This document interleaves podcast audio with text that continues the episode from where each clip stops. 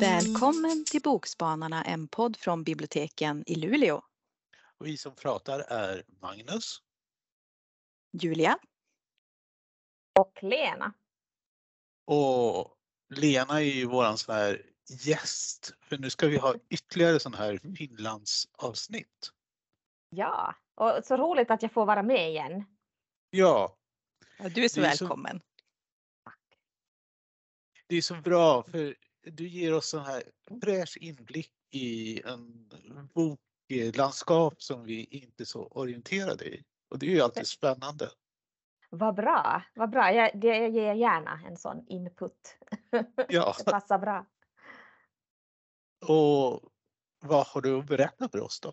Undrar Ja, jag har, jag har ju svårt att begränsa mig, det pratade vi om här tidigare. Jag skulle ju kunna ta 100 böcker ehm, på 60 minuter, vet ni. Sådana föreläsningar brukar jag hålla ibland. Wow, säger du. Men det här, ehm, ja men jag har fem stycken eh, för att ge en liten inblick i eh, det finlandssvenska. Och vi börjar med en bilderbok. Eh, Som är ett, ett, eh, ett Åh. exempel på en, ett jättefint samarbete mellan Sverige och Finland som i, i den här boken. Och den är skriven av Nils Andersson och bilderna är gjorda då av finländska Sanna Mander. Och den heter Jag tappade min tand.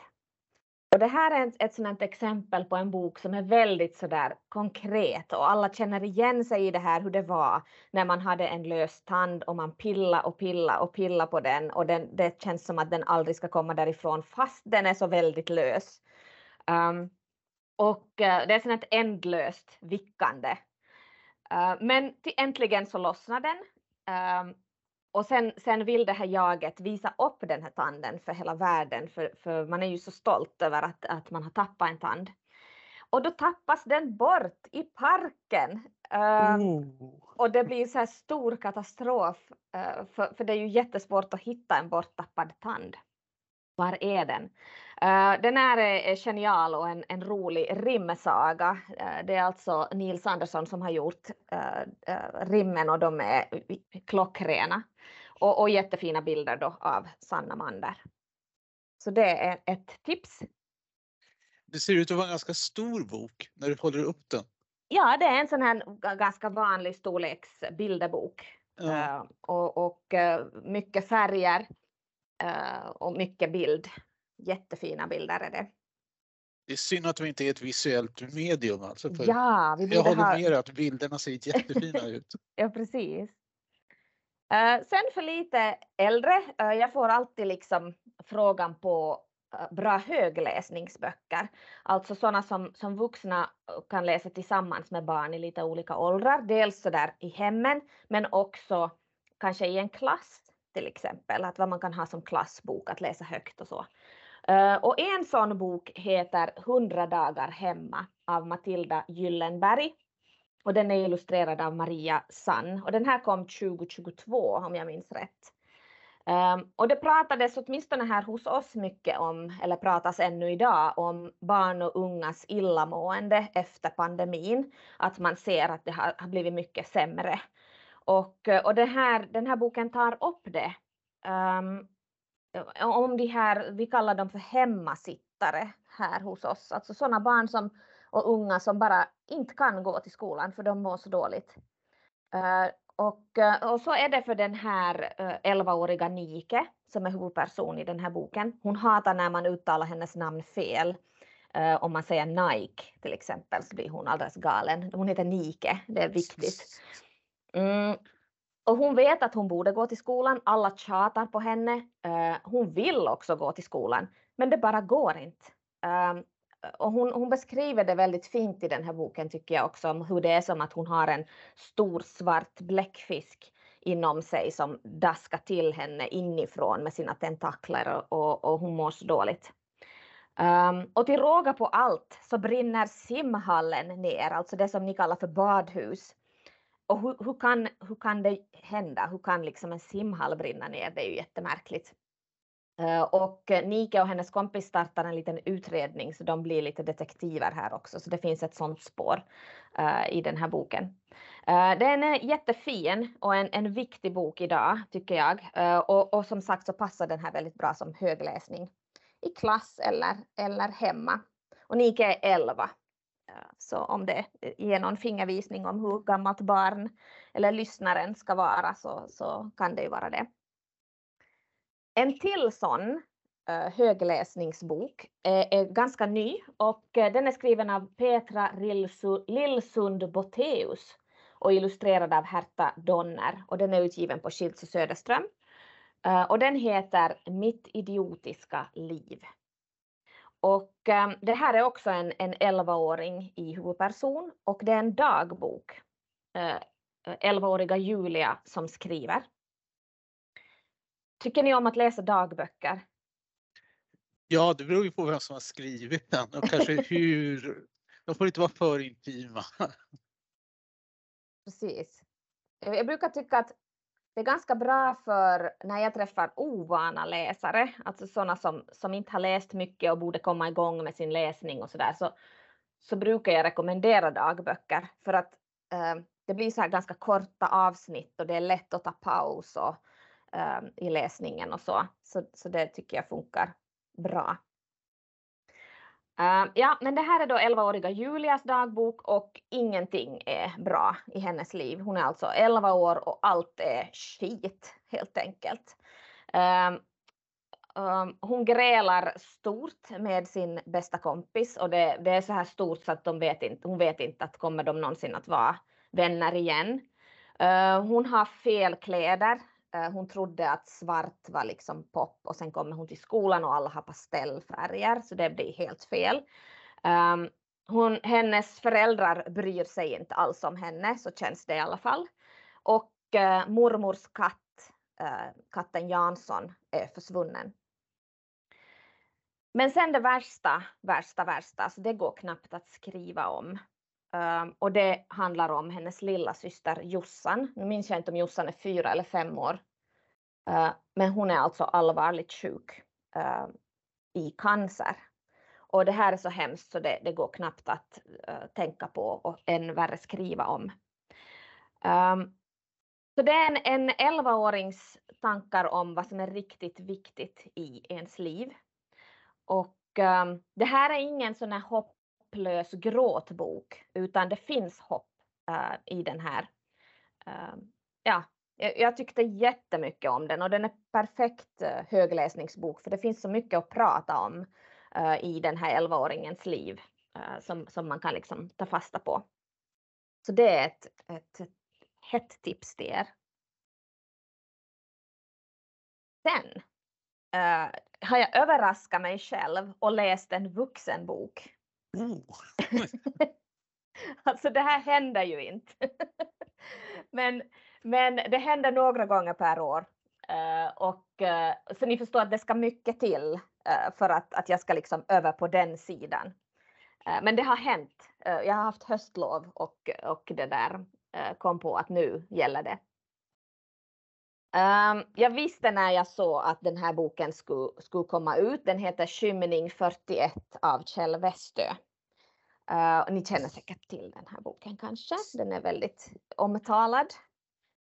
Och um, jag visste när, när, när jag såg eh, reklam i våras om att den här kommer att komma så visste jag att den, den måste jag på något sätt läsa för det känns, eh, det känns som att vi behöver läsa om krigen Eh, vi behöver bearbeta det och, och, med tanke på allt vad som händer idag på olika ställen i världen så är det liksom åtminstone behöver vi läsa om, om krigen. Så känner jag. Eh, och det här utspelar ju sig alltså eh, i slutet av vinterkriget här i Finland och tiden mellan vinterkriget och fortsättningskriget, en sån där lite märklig fredsperiod som fanns då. Och um, Molly är ena huvudpersonen här. Hon är skådespelare och ehm, eh, hon är på turné i Sverige och underhåller eh, folket där samtidigt som hennes kärlek Henry är vid fronten och rapporterar om Uh, han är en utsänd journalist som, som rapporterar om, om striderna och följer, uh, skildrar striderna vid fronten. Eh, så det är väldigt mycket liksom deras kärlekshistoria och eh, vad gör kriget med oss? Um, oron och eh, ehm, var, kan man ha någon vettig vardag när det händer? Um, vad händer med våra relationer och vem vi är liksom? Och hur ska det gå för Molly och Henry? Uh, kommer de att återförenas och överleva detta?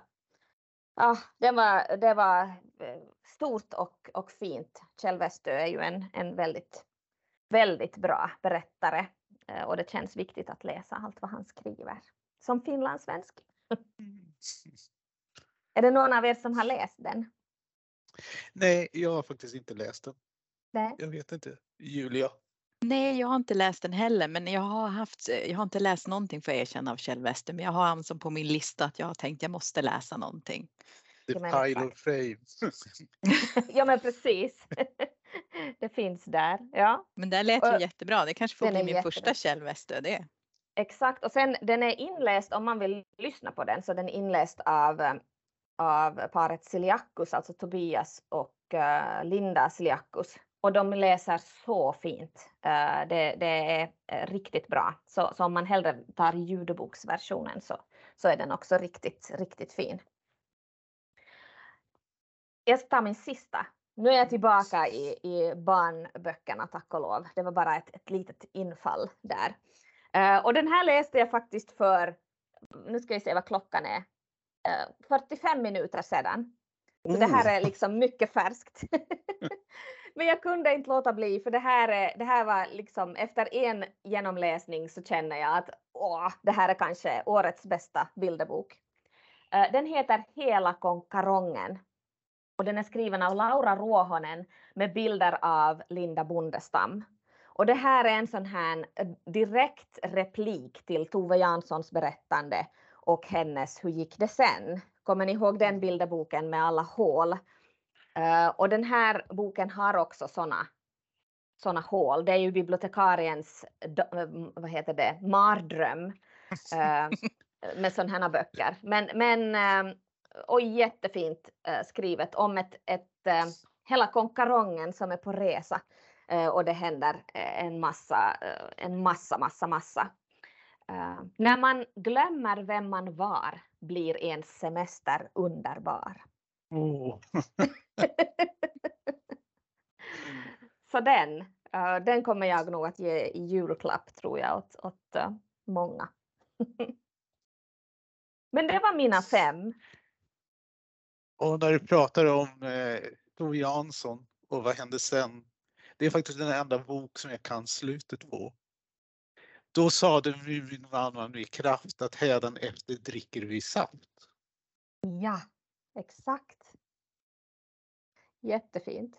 Jag har en, en kollega som faktiskt kan hela boken utan till. Hon har läst den så många gånger för sina barn så hon, hon behöver inte se texten utan hon kan hon kan den både på finska och svenska dessutom. Okay, det, ja. det, är nog en bedrift. Men den är jättefantastisk.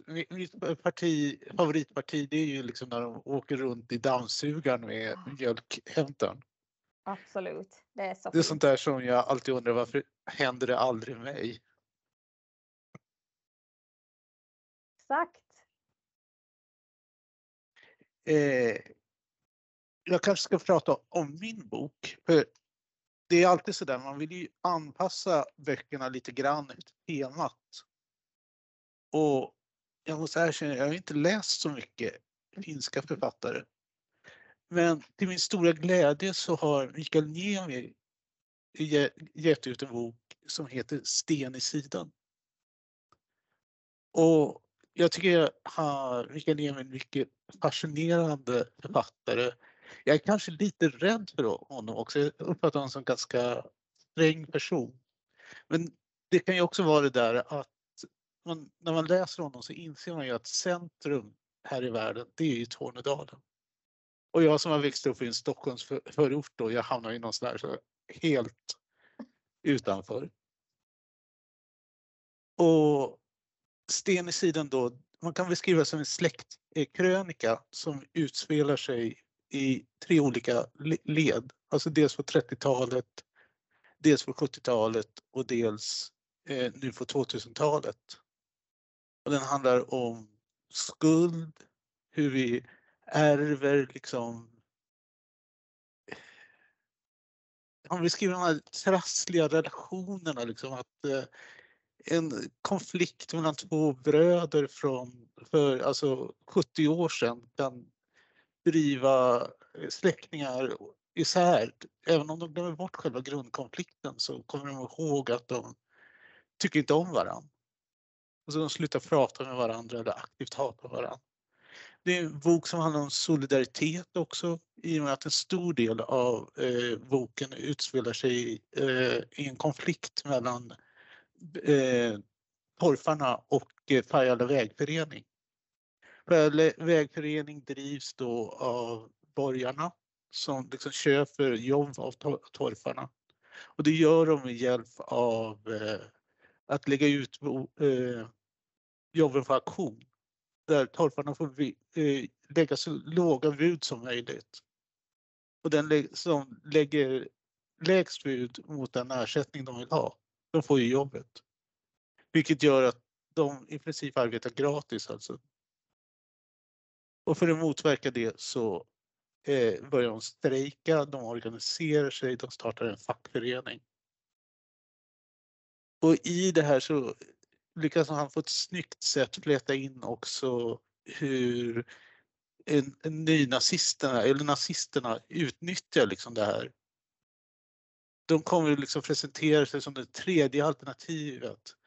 Det som inte liksom är kommunistiskt, det som inte är kapitalistiskt utan det som är äkta. Och det är ju något som vi kanske ser i Sverige idag hur vissa partier framställs som de riktiga människorna. Och ah, hur det faktiskt finns en anledning att frågasätta den riktigheten. Och sen lyckas han slänga in lite andlighet. Det är något som jag tror är en lestadianistisk eh, exorcism i den, alltså försök att driva ut någon sån där ande. Plus att han lyckas få in lite partyknarkande också till min stora förvåning. Så det är liksom något sånt där eh, gott och blandat på sig av väldigt motstridiga saker och något som man bara kan uppleva antagligen om man är född i Tornedalen och förstår det rakt ut. Och så plus så har ju jag lyssnat på ljudboksversionen som Mikael Niemi själv har läst in. Och det är liksom perfekt det är ofta kanske vad man kan kalla ett sådär ganska grovt och mustigt språk och så läser han nu väldigt nedtonat och mjukt och nästan försynt. Och det är så fint. Det är viktigt det där med inläsningarna, vem som mm. gör dem, eller hur? Ja. Jo. Ja, absolut. Ja, jag har ju börjat lyssna men jag har inte hunnit så långt, kanske tre och en halv timme. Men det, inläsaren gör ju verkligen jättemycket och så låter det ju Alltså alla namn och allting låter mm. ju rätt. Alltså man hör ju alltså, tonerna hur det ska låta och jag tycker att det är väldigt eh, väldigt bra hittills. det som jag saknar här det är ju att man märker ju att eh, böcker i textform. Att det är lättare att markera olika tidsaxlar och liksom när man byter saker. Alltså med hjälp av kapitelbyten och styckebyten det, det kan jag sakna just i det här fallet. Men annars gillar jag ljudböcker också. Absolut, ja, men jag ser fram emot att höra slutet. De mm. 15 timmarna jag har kvar. 15 timmar har du Den var ju över 18 timmar den där. Eh, men jag tänkte att vi skulle, eh, jag tänkte tipsa om en, en trilogi av böcker och det där den första heter Väktarinnan av Åsa Rosén. Eh, och då heter de då eh, Viskornas dal och det finns tre delar av den här. Och den utspelar ju sig här i Norrbotten vid Övertorneå. Och det är ju för eh, 9 till 12-åringar men den funkar absolut. Så det är ju ett äventyr för mellanåldern kärlek, vänskap och mystiska väsen i Tornedalen. Liksom. Ehm, och det handlar då om här, eh, Issa och hennes bror, mamma och pappa. De har lämnat sitt liv i Stockholm och flyttat till lilla byn Kaulimpää uppe i, i Tornedalen för pappan har haft en hjärtattack. Och han behöver då jobba mindre och då tänker de att de ska flytta upp och på något sätt få ett lugnare liv. Eh, och Issa hon har inte så höga förväntningar. Hon tänker här kommer det bli dötrist. Hon bor ute i skogen någonstans. De, de ska flytta in då i mormors gamla liksom skruttiga sommarstuga medan de ska då bygga ett fint härligt hus där vid, vid älven. Men eh, de som bor där omkring det börjar muttra så här att nej, ni ska nog inte bygga där, att det här det är liksom helig mark som tillhör viskorna. Men det vill de ju alltså, de bara, men vad är det för någonting? Vad är viskor? Det tror de inte på. Det är någon gammal typ folktro eller folknytt eller någonting. Men så träffar då Issa eh, en flicka som heter Virva. Och den här Virva trodde hon var någon sån här påhittad så här låtsaskompis hon hade när hon var liten hon hälsade på. Alltså hon trodde inte att hon var på riktigt men då visade det sig eh, att den här Virva hon är en viska. Och hon tar med oss och hon får besöka de här liksom och se hur de har det där och så träffar hon också på någon en varkjaur liksom som är lite stilig som hon tycker blir lite förtjust i. Eh, såklart.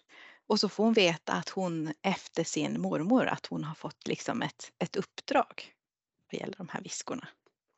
Och så sen får vi då fortsätta och se vad som händer då under de här tre böckerna. Och det är väldigt spännande och bra driv i berättelsen och passar, tror jag, utmärkt också att läsa, läsa högt. Så den vill jag tipsa om. Om du inte har sett den. Tack, jag har sett den, men, men jag har faktiskt inte läst. Men, men vi har den på, på mitt bibliotek, absolut. Mm. Ja, men då tycker jag du ska testa. Det ska nej, jag men, göra. Ja, nej men vad roligt! Tänker jag. Och så om du säger att du hade liksom 60 titlar till, då har vi för fler program. ja men visst. Lätt. Ja. Jag är så avundsjuk. Aha. Nej, nej, jag har en sån här torrperiod nu så det känns sådär som åh, nu måste man hitta på något till ah, podden. Ah, precis, precis, just det. Ja, ja. Nej, men det, och jag tycker mm. den här hösten är ju alltid uh, alltså när det kommer så mycket böcker och, och, och det är så mycket man vill läsa så, så mm. den, den, fast den utgivningen har ju blivit mera så där att det sker under hela året men åtminstone eh, lite är det ännu kvar tycker jag att hösten är eh, nästa av böckerna kommer då. De vill få ut dem innan så att det blir julklappar. Ja men precis. precis. Så, nej men ska vi säga för denna gången. Mm. Tack! Och på återseende. På återseende, absolut. Ja. Ja. Hej då! Hej då!